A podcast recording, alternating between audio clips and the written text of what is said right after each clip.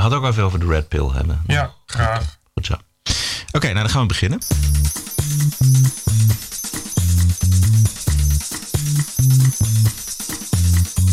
This is the TPO podcast. Ranting and Reason. With Bert Brussen and Roderick Phalo.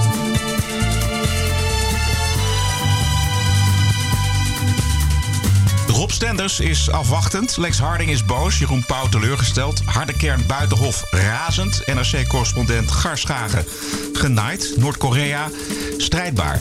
대륙간 탄도 로켓 장착용 소소탄 시험에서 완전 성공. Precies, dat hoor je precies. Eh, en Bert en Roderick zijn eh, fris en vrolijk. Het is dinsdag 5 september. En dit is aflevering nummer 31. This is the TPO podcast. Zo. Zo. Bert, alles goed? Eh, ja. ja, dat gaat wel. Eh, heb je, je hebt de gate aanstaan, hè? Ja, dat begrijpen luisteraars niet. Nee, maar dat is dus, kijk, dat, eh, als ik dan wat zeg, dan eh, hoor je het. Maar als ik, als ik dan niks zeg, als je geen geluid meer hoort, dan zet je alles dicht. Maar let op, nu zeg ik niks. En dan, is dus, dan hoor je het zo ook niet, eh je, je hoort ook geen geruis of geritsel. Dat hebben we van eh, Adam Curry's podcast afgekeken. Precies, No Die doet- Agenda. Die doet No Agenda. Ja. Maar ik vond echt, eh, want ik dacht dat die oude vent die erbij zit, John C. Dvorak. die, dat die, maar die doet dus gewoon via Skype. Ja, die zit, die zit in San Francisco en, die, en dat gaat allemaal via Skype, ja. Ja, waar zit, eh, waar zit Naast elkaar. Curry dan? Adam zit in eh, Austin, Texas. Oh, is in Texas. Maar, eh, maar dat eh, biedt hoop voor de toekomst. Want je kan gewoon via Skype en je merkt niet eens dat het Skype is. Het is echt Absolutely. één, eh, één op één, Ja, perfect geluid. Precies. Eentje moet er wel apparatuur hebben zoals hier staat, zeg maar. Er moet wel een studio hebben en dan sluit je daar alles op aan. Maar in principe kan het allemaal. we hebben een aardige reactie gehad van Rogier weer. Dat vond ik wel aardig. Die moeten we even voorlezen. Die monologen, Bert, in je podcast adembenemend. Je begint en lult zo een half uur waarin iedere zin raak is. Ik geniet ervan, schrijft Rogier. Of, of is het Roger? En dan zegt hij ook nog iets over mij. Dat vond ik wel grappig. Ehm, maar Roderick is nog wel een jaar achter in naïviteit. Zie je? Want die denkt nog dat de gekte zichzelf zelf zal verraden. Sowieso, je hebt een Volkskrant abonnement. Een jaar geleden dacht ik nog net zoals Roderick, schrijft Rogier. Gelukkig valt er nog wat te lachen. Dat nemen ze ons nooit af en daar ben ik jullie zeer dankbaar voor. Ik ga weer lekker fietsen, schrijft Rogier. Dit is leuk, toch? Vind je het niet leuk? Wou je, de, wou je de, in plaats van de TPO-podcast de Benny Hill Show gaan eh, maken? Vieze vuile... Eh, Bert, Ja. Voordat we aan de publieke omroep beginnen, eh, eerst ophef bij NRC Handelsblad. Want de vaste medewerker van correspondent Oscar Garschagen in Shanghai, de Chinees Zhang Xiaogun, die beschuldigt Garschagen van plagiaat en verzonnen quotes. En dat is eh, buitengewoon ernstig. Het is niet duidelijk of hij eh, daarin gelijk heeft natuurlijk, want het is één kant van het, eh, van het verhaal. Weet jij nog de voorbeelden die hij noemt? Hij noemde voorbeelden dat, dat ze hadden geprobeerd iemand te interviewen daar in China. En die had meerdere malen gezegd van ik, ik, ik geef geen interview. En toen had hij gewoon het interview verzonnen. En ze waren ook en had iets, ze waren bij een betonfabriek geweest. En had hij helemaal beschreven. En daar is volgens die, die assistent is die, waren ze helemaal nooit geweest. Dus het is een ja, gewoon typische per die Bramesa beschuldiging van eh, verzonnen, verzonnen nieuws. Ja. Nepnieuws. Maar laten we even duidelijk zeggen dat het nog niet eh, duidelijk Ja, is dat het ook echt zo is. Want dat weten we niet. Wie is deze medewerker? Wie kennen we hem? Nee, maar eh, sowieso, het stond. eh, het, is dus gepubliceerd, eh, het is dus gepubliceerd in de Chinese staatscourant. Nou, laten we oh, nou we het niet over nepnieuws hebben, want de Chinese staatscourant. De, de, de vraag is natuurlijk. eh, want die zijn natuurlijk blij als ze kunnen schrijven dat er een Nederlandse staats, eh, eh, is. die negatieve dingen over ons fantastische China schrijft. Dat was ook een beetje de teneur van het stuk. Je hoorde daar inderdaad bijna die omroepster van, eh, van Noord-Korea bij. Die, en, en- 대륙간 탄도 로켓 장착용 소소탄 시험에서 완전 성공. Als je haar ziet, dat is ook heel grappig. Ze beweegt zo helemaal zo met haar lichaam zo mee. Dat is Ja, echt het is fantastisch. overtuigend. Maar goed, dit, is, dit was Noord-Koreaans, maar in het Chinees klinkt het ongeveer hetzelfde. Ja, maar, eh, maar ehm, ja, kijk, het was dus inderdaad een, een eenzijdige beschuldiging van een assistent die zegt: Ja, ik heb twee jaar voor hem gewerkt en nu heb ik ontslag genomen en nu zeg ik dit over hem. Maar ja, er kan dus, dus ook iemand zijn die gewoon rancuneus is. Juist. Of, die, of er zijn natuurlijk allemaal om iemand te beschuldigen. Eh, Hij had ook een e-mail naar de hoofdredactie van NRC Handelsblad gestuurd, volgens mij met zijn bezwaren. Ja, nou, die, die gaan dat heus wel uitzoeken. Bedoel, Het, is niet, het, is, het is niet een beschuldiging die je zomaar naast je neerlegt. En die voorbeelden, dat zijn natuurlijk wel voorbeelden die je kan nagaan. En nogmaals, het is natuurlijk bij Per Abraham en zo bij Trouw destijds ook gebeurd. Dus het is niet, je, je kan het niet voorkomen, weet je. Natuurlijk kan het gebeuren, maar ik vond wel... eh, maar het punt is natuurlijk wel een beetje dat het dus in... Het staat dus in, in de Chinese staatscourant. En het was gisteren al 7,5 miljoen keer gelezen, dat stukje. Ja, dat gaat snel in China. De- Weet je, dus dat je denkt van ja, ook als het niet waar is, je bent wel echt meteen kapot ook. Dit is dus zo'n enorme massa. Ik heb meteen ook even gemaild naar die staatskrant. Want eh, de, de, eh, iemand anders had het dus weer vertaald. Van, van dat heet eh, eh, dat, dat Chinese Twitter. Ja, ik weet niet Ja. hoe het heet, maar daar is iemand die maakte elke dag een, een round-up van. In het, dat is een Nederlandse die kennelijk in China woont. En die maakte een round-up van wat er allemaal op dat Chinese Twitter gebeurt. En die had dus dat artikel geschreven van in die krant staat dit en dit. Eh, en ze eh, noemde ook de post online, want eh, ergens in 2013 of zo had kennelijk iemand, Josien Wolthuizen, dat, dat is een, stu een student toen nog van de journalistiek school, die werkt nu bij het Parool, die had toen die NSC-correspondent geïnterviewd. Ja. Dus wij, wij werden ook... Garschagen. Ja, Garschagen. Die, die had, zij had, was gewoon een, een verder rechtdoor gedaan interviewtje Ja. van wat doe je in China. Gewoon een typische, typische ding. Maar toen heb ik nog even gemaild naar die staatscourant van kun je mij niet even linken? Zeven als miljoen. er 100 miljoen mensen precies, op die link klikken, dan Ja, eh, ben ik wel even klaar verlopen. Ja. Maar niet, niet, Niet gebeurd. Maar Chinees ook niet zo heel goed. dus, dus, eh, Stel eventjes, laten we hopen dat het niet klopt. Maar als het wel klopt, hoe vervelend is dit voor NRC Handelsblad? Ah, heel vervelend. Dat, heb je, ik, dat hebben we dus ook bij Trouw gezien. Eh, en Vol- Volkskrant heeft het ook gehad. Je, dit is, dat is wel echt een beschadiging waar je nooit meer helemaal afkomt. Eh, en het hangt er natuurlijk een beetje van af. Want ja, bij Trouw, bij Pedi Bramesa had het wel echt heel verstrekkende gevolgen. Dat, dat, die, die had ook de, dat verhaal over de Sharia-driehoek in Den Haag Ja. Hè? Dat was, maar dat, dan, heb je ook, dan heb je ook echt iemand die eh, echt letterlijk alles verzint. Dus, dus ook de mensen die die spreekt in reportages. Dan, dat is natuurlijk... Ja. En en dat ging, dan had je dingen die, die, ja, die gingen over die, die Sharia-driehoek. Dus dat had verstrekkende gevolgen ook in het maken van beleid. En in de opvatting van mensen over die wijken en zo. Dus dat is eh, veel pijnlijk. En eh, wil voor hetzelfde geld, stel dat het waar is, dan nog kun je zeggen van ja, het is drie keer voorgekomen dat die, eh, weet je, soms is er dan iets extra's gefabuleerd. Of, of heeft iemand wel iets gezegd, maar anders en zo. Het is natuurlijk, een, het is natuurlijk binnen grenzen kun je gaan zeggen van ja, wat, wat, is, wat is nepnieuws en niet. En bovendien, ja, China, ja. ja, dat is natuurlijk ergens pagina 13 van onze verslaggever in China, die dan ook inderdaad, weet je, gewoon reportage, achtergrond doet. Het is niet, het is geen voorpagina nieuws. China wil Nederland nuken, weet je, het, is toch ondertussen in China. En ja, dan kun je dan zeggen, ja, dat de verslaggever bleek niet helemaal eh, zuiver op de graad te zijn. En dan niet alles wat stond bleek helemaal waar te zijn. Ja, hoe erg is dat? TPO Podcast. Alles van waarde is weerloos. Dat geldt zeker voor alles van waarde bij de Nederlandse publieke omroep. Zo verdwijnt het hooggewaardeerde middagprogramma van Rob Stenders op Radio 2. Het bekroonde tv-programma Vijf jaar later van Jeroen Pauw. En het vermaarde Radio 1-duo Mieke van der Wij en Peter de Bie. Drie redenen voor veel mensen om eh, te kijken en te luisteren naar de publieke omroep. Maar sinds wanneer is dat nou een criterium? hoorde je mij gniffelen? Ja, ik hoorde het. Wie, wie, wie, Mieke van der Wij en Peter de ja, dat, vind jij dat de ergste, die verdwijnen? Eh, nee, eh, maar ja, die zijn 103 met z'n tweeën. En die zijn ook al, eh, dus al 80 jaar op de radio. Dus die vind, dat vind je niet zo erg. Maar Ja, nee, maar die gaan naar Max, toch? Ik bedoel, wat... Nee, maar die krijgen het programma niet mee. Maar het, het gaat Ja, er even om het nee, beeld ja. dat de publieke omroep bezig is met. Ja, op, toch op een hele onzorgvuldige manier en Stalinistische manier om te gaan met hele volle, waardevolle programma's. Ja, kennelijk. Nee, ik Laten we beginnen bij Rob Stenders. Ik wou Ik net zeggen, dat vond, die is echt gewoon een beetje, een beetje uitgetrapt. Van, Ja. Sorry, we willen graag een vrouw, eh ineens een vrouw op, op jouw plek. En, eh, Nou, zo, zo, zo is het toch niet helemaal gegaan. Want Rob heeft eigenlijk een beetje verkeerd gegokt. Eh, we hopen hem eh, binnenkort een keer in de, Ja. in de uitzending te hebben. Maar hij, hij gokte op BNN-Vara. Ja. En die zeiden, eh, ja Rob, eh, kom maar bij ons. Hè, Ja. Van Avrotros naar BNN-Vara. Want dat komt wel goed. Maar Avrotros wilde die uurtjes op Radio 2 van Rob Stenders gewoon houden. En hij dreigt dus een beetje tussen het wal en het schip te vallen. En over wal en schip gesproken. De legendarische radioman Lex Harding...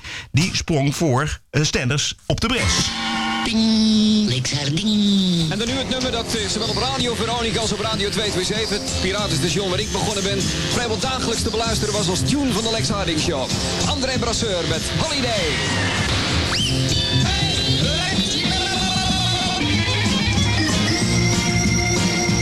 Ja, zo werd de radio gemaakt, eh, Ik wou net Bert. zeggen, dit is in de tijd dat er nog radio werd gemaakt. ja. Dat ook Fantastisch. naar- dat mensen ook naar wilden luisteren. En nu weet je ook gelijk waarom. Juist, zo is het. Eh, Lex Harding die eh, ging een eh, brief schrijven op hoge poten. Eh, want eh, gelezen. ja, die zei van de, zoveel kwaliteit, kwaliteit kun je toch niet eh, weggooien. En het is natuurlijk allemaal omroeppolitiek. Dat is het Ja, vervelende maar- van hele, deze hele zaak. Want kijk, vroeger was het, het, het Nederlands omroepbestel eh, al helemaal niet uit te leggen aan een buitenlander. En nu zijn al die omroepen gefuseerd. Dus dan denken ze, nou ja, misschien is nu de helft wel uit te leggen. Maar ook dat is niet uit te leggen. Want het is niet uit te leggen dat Rob Stenders verdwijnt van Radio 2. Ja, maar dat, kijk, maar dat vond ik wat Harding schreef. Van je kan, iemand zoals Stenders, wil je, die moet je niet kwijt willen. Precies. Je, dat is iemand die dat inderdaad al 40 jaar doet. En dat is ook echt, volgens mij echt een ja, radioman in hart en nier. Als je zegt radio, dat, weet je, is Rob Stenders. Dit is niet iemand die... Heel enorme know-how. Die man die weet Ja. alles van alle details van, van, van muziek die je nodig hebt voor Radio 2. Dus Nee, ja, maar niet iemand waarvan je, weet je, dat is niet iemand van, ja, morgen gaat hij voor groot geld aan de televisie of zo. Dat is iemand Nee. die, die, ra- die wil radio maken. Precies. En hij heeft volgens mij, is, en hij had een enorm populair programma. Radio 2 is ook echt de grootste, bij far de grootste, dat weten heel veel mensen niet, maar dat is bij far de grootste radiozender van Nederland. Ja. Eh, van, althans van de publieke omroep, ex- excuse me, eh, commerciële zijn groter. Ja, die, die moet je niet kwijt willen. En als je dat op, op die politiek dan zo speelt. Ik snap wel dat je, dat je zegt van ja, maar wij willen de uurtjes niet kwijt. Maar je moet dan toch daarboven staan. Maar precies, maar dat, dat dat is dan toch- waarom... Het eh, moet gewoon Radio 2 gaan, niet ja. op jouw omroepje. Exact. Vijf jaar later van Jeroen Pauw, toch ook een, een, mooi programma, verdwijnt ook. Ja, ik snap niet, ja, ik weet niet waarom dat, wat daar dan eh, de reden voor is. Maar dan vinden ze het gewoon, eh, dan is er gewoon geen plaats meer. Dan zeggen ze, nou, de- we willen nu iets anders. Ja, maar als mensen daar naar kijken, ik snap dat niet zo. Nee, maar dat is juist de, de, de totale niet-logica van de publieke omroep. kan Daarom is het wel, fijn om, om voor een commerciële omroep te werken. Want daar verdwijn je gewoon van de buis als er gewoon geen mensen kijken. TPO Podcast.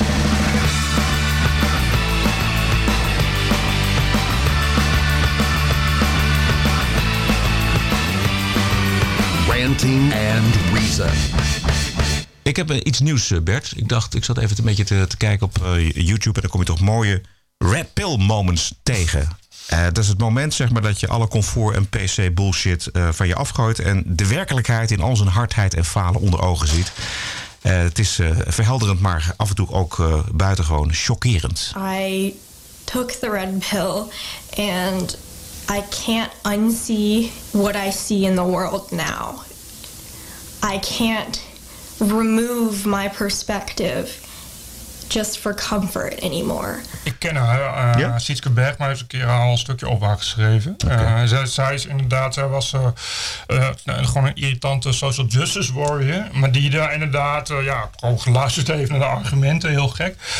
en ja. daar kom je dus zomaar ineens tot de conclusie dat dingen anders zijn dan je altijd dacht. Eh, en zij vertelt ook, eh, weet je, van ja, ik, ik ben gewoon opgegroeid in, in, in, in een milieu van liberals. En ik, ben- ik ben op school, vanaf, vanaf school heb ik dat allemaal, is dat allemaal zo gevoerd. Is dat, wat is dit? dat is een, bro- een brommer of een motor die eh, langskomt. Wauw, dat Maar heb ik ook- heb ik ook nog een filter? Een, een B25 die, eh, die even komt bombarderen of zo. Ja, nee. Maar eh, en de- zij vertelt dus ook ja, hoe dat werkt. Hoe dat gewoon helemaal in structuur zit, ingebed in je leven. En hoe ze daar inderdaad thuis dan niet over kan praten. En hoe je daar dus in een filterbubbel zit. En, en dat is natuurlijk wat, wat opvalt bij al deze mensen. is dat ze allemaal zeggen, ja, het is echt een red pill. Als je het eenmaal gedaan kun je niet meer terug. En denk van, wauw, ik kan me niet meer voorstellen dat ik dat ooit dacht. Ehm er is een hele mooie documentaire op Netflix. Die heet ook, of nee, die is, hij staat niet op Netflix. Ik geloof, hij mocht niet op Netflix. Waarschijnlijk omdat hij te waar was. Die heet ook eh, The Red Pill. Dat gaat over een feministe. eh, hele knappe vrouw die begint als actrice in Hollywood. En daar komt ze tot de conclusie dat, het alleen maar, eh, dat ze alleen maar wordt gehuurd omdat ze een knappe vrouw is. Dus dat dan kan ze dan kennelijk niet meer omgaan. Dus wordt ze activistisch feministe en helemaal toch in het social justice warrior aan, et cetera, et cetera. Eh, en ze is uiteindelijk eh, van Hollywood af in ze documentaire maken, een soort Sunny Bergman-achtige activiste.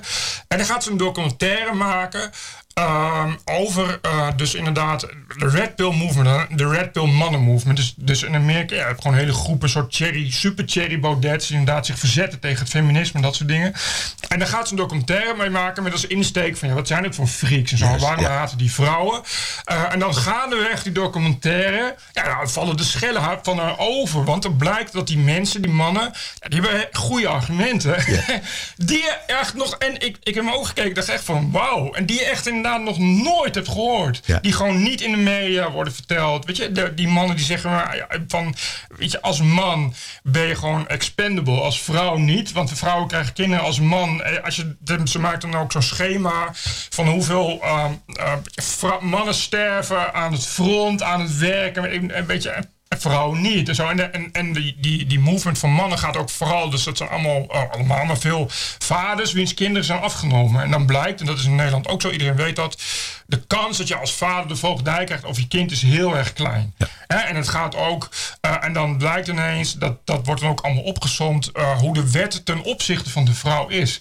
En die is bijna letterlijk mannenhaat. Want je kan als vrouw, hè, als je eh, eh, als vrouw heb je automatisch al het recht over dat kind als je zwanger wordt. Maar ja, die vader wil ook, weet je, die wil ook dat kind. Maar je hebt als man geen enkele mogelijkheid. Die vrouw is alleen maar beschermd, want die heeft zeggenschap over het kind. Als je eh, een vrouw per ongeluk zwanger maakt, dan heb je als man geen enkel recht. De Ja. vrouw of alle, dan moet je betalen, weet ik veel wat. Het is alleen maar gericht op vrouw, vrouw, vrouw. Dus de conclusie is dan ook van, hoezo, weet je, hoezo gaat het slecht met vrouwen? Je kan eigenlijk beter stellen dat het, dat het steeds slechter gaat met mannen. Dus Ja, dat is- een feminisme van mannen. Ja. En uiteindelijk de conclusie van film is dus ook dat ze zegt: Ik ben geen feminist Ja, meer. En dat is echt, echt het heet Ja. ook dan ook de Red Pill. Ja, het is- ik, ik begrijp dat hij, eh, volgens mij is hij dus geband op, op Netflix. Nee, dat zou kunnen. Of hij was überhaupt niet eh, te zien op Netflix. Maar volgens mij is hij via Amazon is hij gewoon te, kijken. Voor ook 2,50 euro, geloof ik. eh, dat kost helemaal niks. Eh, wat ook trouwens heel erg interessant is om te kijken eh, via YouTube... is naar alle interviews die zij gegeven heeft... naar aanleiding van deze film. En de verbazing en de, en de woede bijna bij eh, nieuwspresentatoren en interviewers... van ja, eh, je, je bent wel heel erg bevooroordeeld... en, en je hebt helemaal geen oog voor, eh, eh, voor het lot van vrouwen... en je kiest wel de hele verkeerde mannen uit in je documentaire. En dat blijken dan ook interviewers te zijn, eh, presentatoren... die de film niet eens gezien hebben. Dus die, die, zij zegt ook van, heb je de film gezien? Ja, we hebben er gisteravond een stukje gezien. En dan zie je er ook echt lachen. Nou ja, wat ik mooi vind van die reacties. ehm, is dat je, zo gaat het dus telkens. Is, je ziet hoe mensen niet met die waarheid overweg kunnen. We hadden het net al over de NPO. Dus eh, zondag bij Buitenhof was, was eh, dokter Sid Lucas. eh, Gaan we het zo meteen ook uitgebreid over hebben. Oké, nee, dan je kan het ook nu, maar goed, dat, heet, dat is dus hetzelfde. Ja. Weet je, het gaat om, om, om dingen die eh, toch wel een beetje waar zijn. En je ziet die mensen daar van de weeromstuit zo van schrikken. Want ja, je, je wil niet dat het waar is. En dat zie je, want je, ze hadden in die film, die documentaire. Ze gaat dus ook naar feministische wetenschappers en, en genderhoogleraren, genderwetenschappen en zo. Je ziet eigenlijk allemaal, zeggen ze unaniem, ah, dit is onzin waar ik, niet op, waar ik eigenlijk niet op wil reageren. Ja. Dit is, Want het is gewoon zo. My red pill moment was realizing that not only do I not know everything, but the people I thought knew everything don't know shit. It's kind of about being um, proud in yourself. En deze. in my city there was an artist who had this piece up on the wall of it was like a graffiti art but it was like a commissioned graffiti art so it's allowed to be up the, there on the wall. And it was a woman and she was um, like in her underwear reading you know just got like a crop shirt and underwear and she's reading on a bed with like a teddy bear and it's like a local artist did this and i always really liked the pieces on the wall of uh, this you know this type of artwork. I always considered very beautiful. And someone graffitied on it. Women are not objects. Over it and i remember that being the moment where i was like i'm not fucking on board with this shit. I'm not on board with people destroying other people's art because you don't think it fits your narrative Het is precies als religie. Weet je, je moet zoveel mogelijk de feiten weghouden voor de mensen. Dat gebeurde natuurlijk in de middeleeuwen ook. Daar een hele index met boeken die, die mensen niet mogen lezen. En als je er wel wat over zegt, ga je op de brandstapel. En er is maar één Ja, reden voor. Omdat je weet, als die mensen die feiten lezen, gaan ze anders denken over wat ik vind dat mensen moeten denken. En dit is precies zo. En dat zie je ook dus inderdaad in die sociale wetenschappen. Ik vind echt 80% van wat genderwetenschappen zeggen. En zo kun je weer leggen met hele eenvoudige biologische feiten. En zo, daar hoef je ook helemaal niet voor geleerd te zijn. Het is echt niet een heel groot probleem om een onderscheid tussen mannen en vrouwen te zien. Het is volstrekt meer biologisch je, onderscheid. Ja. eh, en dat is. En dat zie je. En, en daarom. Maar je ziet ook hoe die cultuur, hoe die zien, hoe die social justice wars ook gericht zijn op puur op die retoriek en het tegengaan van feiten. Dat is ook waarom ze die mensen de hele tijd willen no-platformen. Want wat gebeurt er als je mensen die. Dan, gaat, weet je, dan ga je dat eens denken. Dat is niet de bedoeling. Nee. De bedoeling is dat je meegaat in. Nou ja, het is gewoon één op één religie. Intersectionele feministen, weet je, die hebben niets tegen de islam. Nee, daar, daar is één reden voor, namelijk omdat ze nooit op de feiten ingaan. Ik bedoel, op het moment dat je uh, aan het woord moet laten, of uh, Shira Moussa van, uh, van Femmes for Freedom, dan kom je feiten tegen die helemaal niet passen in jouw plaatje. Exact. Dus het enige wat je kan, dan kan doen is zo hard mogelijk schreeuwen dat ze een islamofobe, dus die mogen we niet horen. Zondag hadden we daar ook een prachtig voorbeeld van. Grote zorgen over de keuze van de redactie van het tv-programma Buitenhof. Er was namelijk gekozen voor een debatje over de term cultuurmarxisme. En erover praten is al erkennen dat het bestaat. Is probleem 1. En probleem 2 was de politieke kleur van de gast. Sid Lucassen. Wie wel eens op de eh, website van TPO komt, die eh, kan er wel eens lezen. En die heeft daar een stuk over geschreven. Over dat cultuurmarxisme. Nou, voordat het programma al uh, werden uitgezonden, was er op Twitter uh, iemand met de naam Hans Maarten van den Brink. Die zei: Komt Sid Lucassen echt bij Buitenhof? Wat is er met het niveau van dat programma gebeurd? En ook Hans Laroes die zegt: Oh, ik maak me grote zorgen over het niveau van Buitenhof. Ja. Terwijl. Ja, het, Ja. de term de cultuurmarxisme is gewoon eh, vond- zeg maar een onderdeel van het marxisme. Hè, dat is, marxisme, zal ik even, even heel kort uitleggen. Marxisme gaat al- altijd over twee groepen. De bourgeoisie en de arbeiders, de haves en de have-nots. De onderdrukkers en de onderdrukten.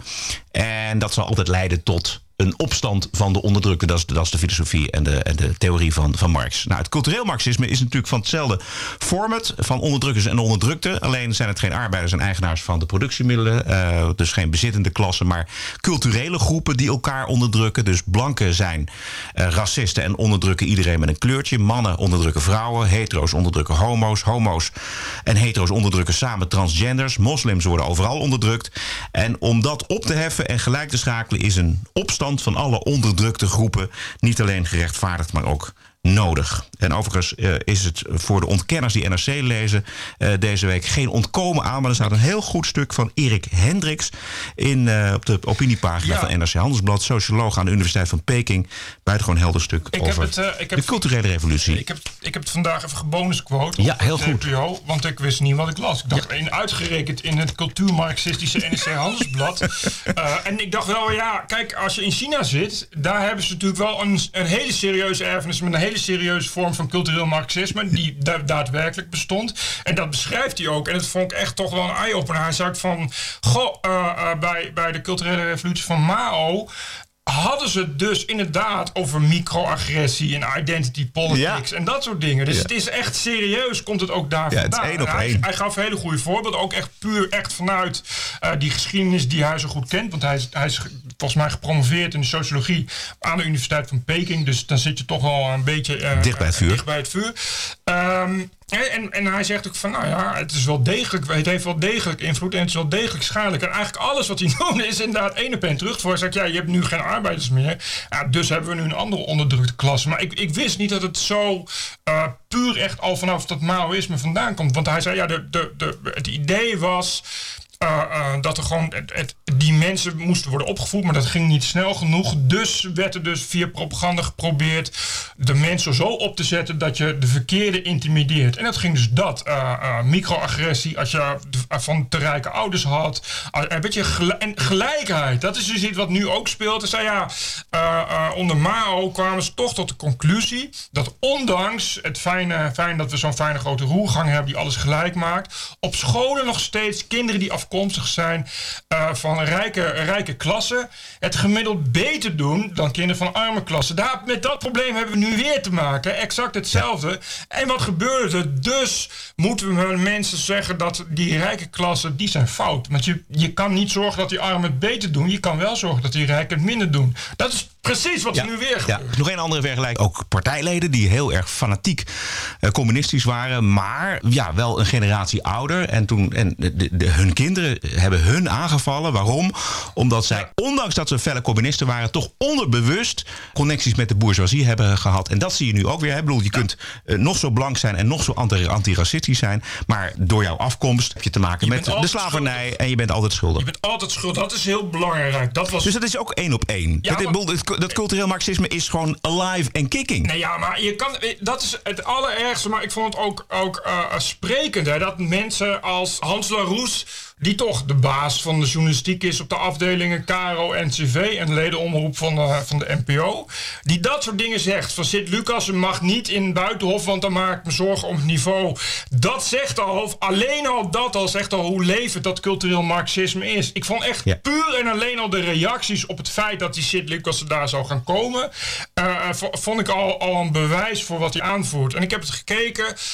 Nou ja, die jongen waar hij tegenover zat, was het levende. Het, was bijna inderdaad alsof je naar een stripverhaal kijkt. Als je het moet verzinnen, zou je dat verzinnen. Zo'n zo'n beetje siwetoïde jongen met zo'n hip brilletje en zo'n kuifje. Maar ook, dat, dat, is echt, dat is echt heel typerend. Opgerolde hemdsmouwen. Dus, dus, dus een overhemd, maar dan wel met opgerolde hemd. Dat is wat Jesse Klaver dus ook steeds doet. Die opgerolde hemd, dat is, dat, is, ja, dat komt daar vandaan. De, dat is de arbeidersklasse, want die rolde natuurlijk altijd de mouw op.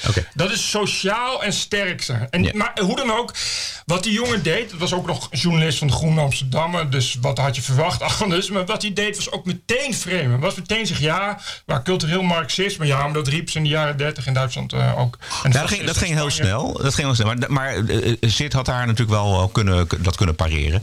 Dat was, dat was een beetje een ongemakkelijke discussie, moet ik Nee, ja, maar daar komt, zitten ze natuurlijk een beetje een ap- apart, laat Ja, het zeggen. ja, ja. Een aparte jongen die, die inderdaad, dat doet hij nog stukken ook. Dus alles in de derde zin staat in mijn avondland een identiteit schreef ik. En dat deed hij daar ook. En hij zei, ja, ik heb dus avondland een identiteit geschreven. Waarop hij meteen ruzie kreeg met Paul Witteman. Die dan zei, we zijn hier geen boekenprogramma. Overigens wel weer mooi, kapot gemaakt door geen stijl. Die zei, wat, wat raar, want toen Rob Riemen er zat, mocht hij wel zijn boekje, zijn terug... Omhoog eh, houden. Ja, maar, eh, maar, ik, maar de, ik vond. Dat had Sid moeten zeggen van de manier waarop die, die journalist tegenover hem al reageerde. Die ook meteen zei: Ja, maar dit is allemaal conspiracy gedoe. En eigenlijk moet je dit geen podium geven. Dat is precies waar het over gaat. Ja, maar ja, dat- maar dat- dat zijn- journalisten in Nederland daar zo, al zo door zijn gevormd. dat ze al van tevoren een afbakening maken wat wel en niet mag. Achteraf was het op eh, Twitter ook nog eh, feest. Eh, Tom-Jan Meeuws van NRC die schrijft... eh, Zijn er eigenlijk veel VVD'ers die het eens zijn met het cultuurmarxisme... zoals partijgenoot Sint Lucas er dit aanduidt? Dus dat, dat wil die, die stookt dan in de VVD. En een, iemand, die ken ik niet, Robin Labrijn, die zegt... eh, je gaat toch niemand serieus nemen die op zijn dertigste nog bij zijn ouders woont? Waarop Wierduk dan heel gevat schreef... Sartre woonde toen hij ouder was dan 60 weer bij zijn moeder... terwijl om hem heen mei 68 woedde en speelde er veel piano.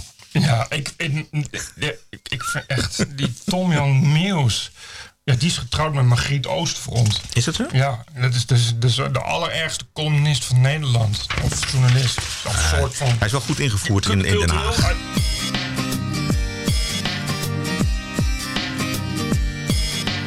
TPO Podcast.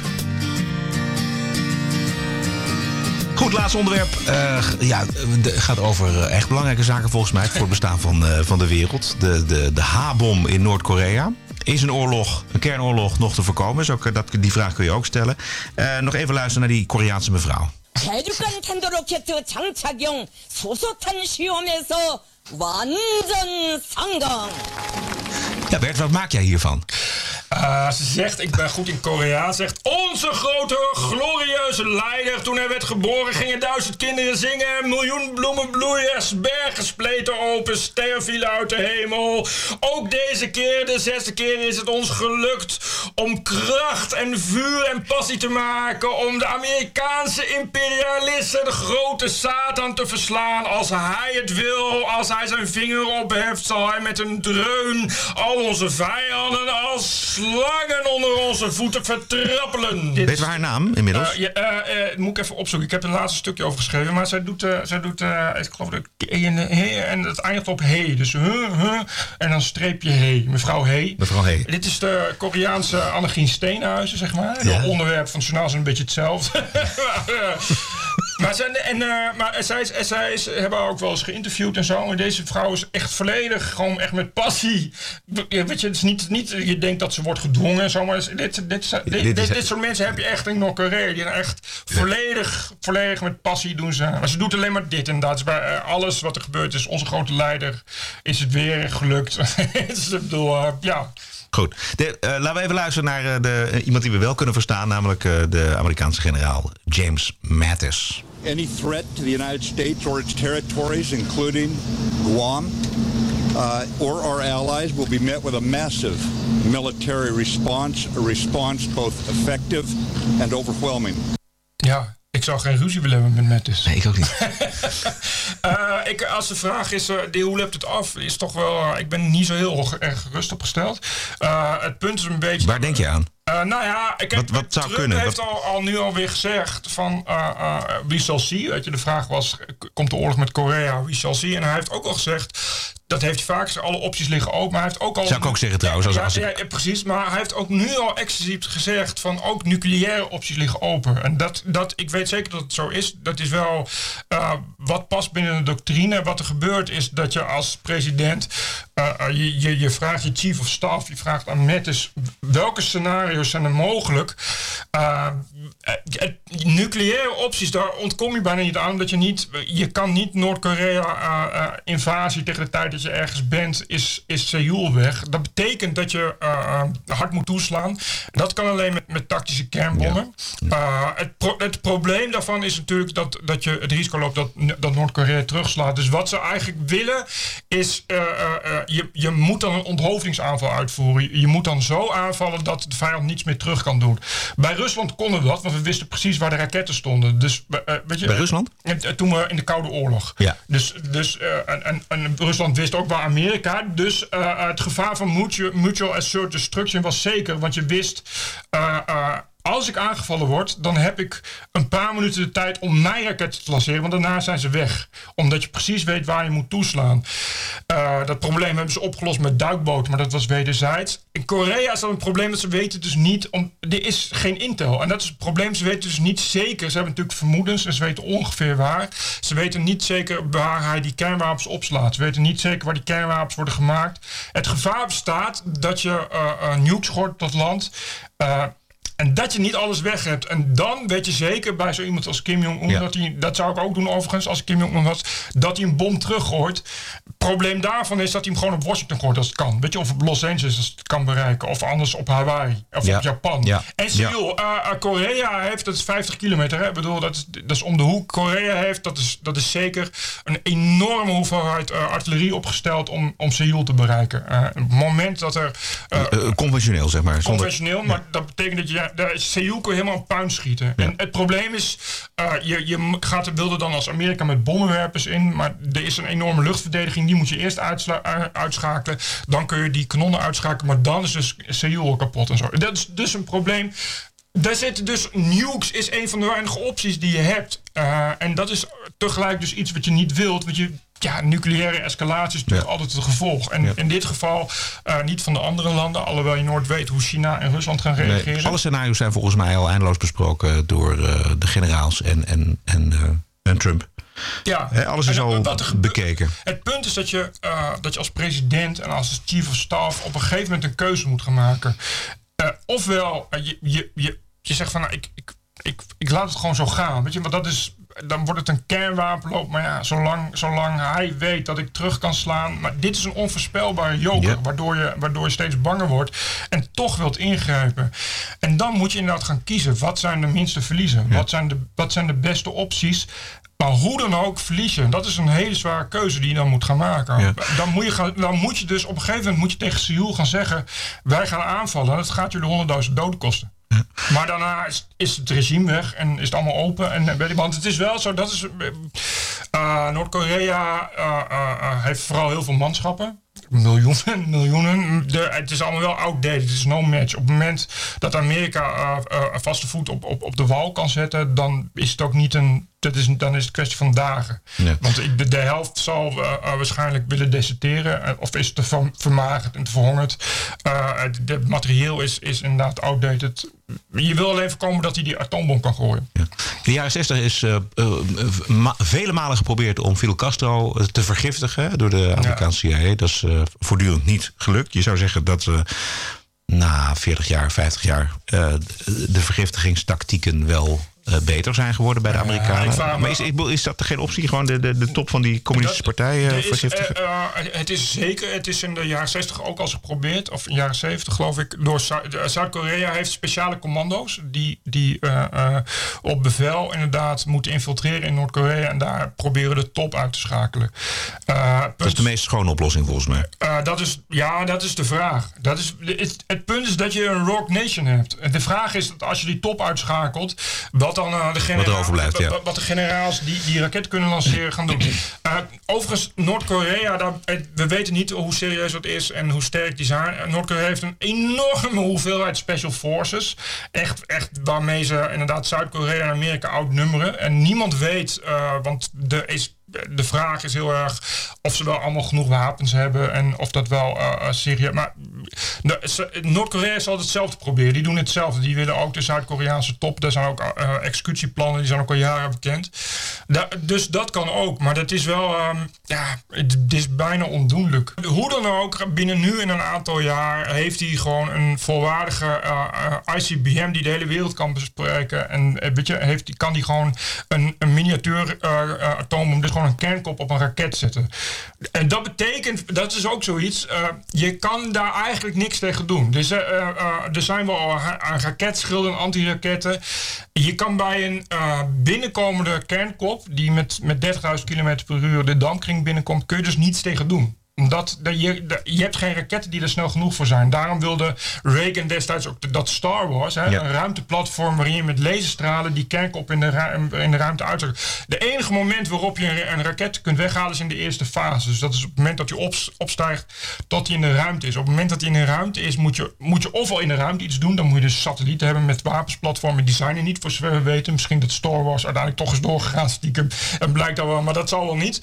En op het moment dat hij naar beneden valt, wordt het heel lastig. Dan moet je, dan moet je met, met, eh, eh, ook weer met nucleaire raketten, eh, nucleaire explosies hopen dat je die kernkop vernietigt en zo. Maar dat is een serieus probleem. Ik vind het machtig interessant. Ja, je weet er veel van, Bert. Leuk. Amerikaanse militaire wapens natuurlijk altijd. Maar het is een, ja, het is, het is, het, is, het is echt serieus problematisch. En de, de politiek van nucleaire is, ex- escalatie is dus heel erg interessant. Het, is, het is natuurlijk heel bizar dat je 1500 keer de wereld kunt vernietigen. Maar dat je daar hoe dan ook steeds niets mee kan. En, zo. en, je, en, en terwijl eh, er zijn tactische kernwapens die nou soms, soms eh, eh, weet je, een explosie van een kwart Hiroshima. En dat, dat is, daar, kun je, daar kun je een stadswijk mee omgooien en zo. Zonder dat het, weet je, je hebt altijd fallout en zo. Maar daar is niet, en mensen hebben het idee van kernbommen, dat is het einde van de wereld. Dat hoeft niet. Hè. Er zijn Amerikanen hebben, eh, zelfs eh, kanonskogels waarmee ze kernkoppen kunnen afsturen. En dat, dat zijn tactische kernwapens. Het idee is dat je in de strategie dat die worden ingezet tegen, tegen advancing masses. Hè. Dus, dus tegen, tegen groepen tanks die je hoeft daar niet, daar hoeft de wereld niet aan kapot te gaan. Maar het probleem is dat je iemand anders hebt met een atoombom waarvan je weet dat hij daar verder scheid aan heeft en bereid is dat op steden te droppen. En als het inderdaad een waterstofbom is, wat hij claimt, wat je dus niet weet, en dat weet je niet, dat is dus het gevaarlijke. Eh, ja, een waterstofbom is wel echt het einde. Een waterstofbom op je stad, eh, een, een gemiddelde waterstofbom is 500 keer Hiroshima. Weet je, dus de- deze, da- dan, dan ben je ook weg. Ja. Jesus. Dit was aflevering 31. Volgende week special over eh, 11 september. En die is dan ook al beschikbaar op maandag 11 september natuurlijk. Speciale gast is Annabel Nanninga. U vindt ons op Soundcloud, YouTube, iTunes en de TPO-website. Reageren kan via onze Facebookpagina. Zeggen, heeft, eh, heb een mooie week, ondanks alles. Ja, en eh, eh, graag tot volgende week. Jij gaat op vakantie. Dat hoeft toch niemand te weten, Bert? Want we hebben gewoon volgende week weer een uitzending. TPO Podcast. Bert Brusen, Roderick Balo, ranting and reason.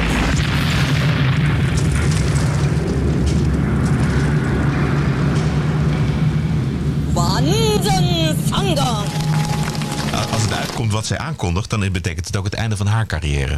Zou ze dat weten?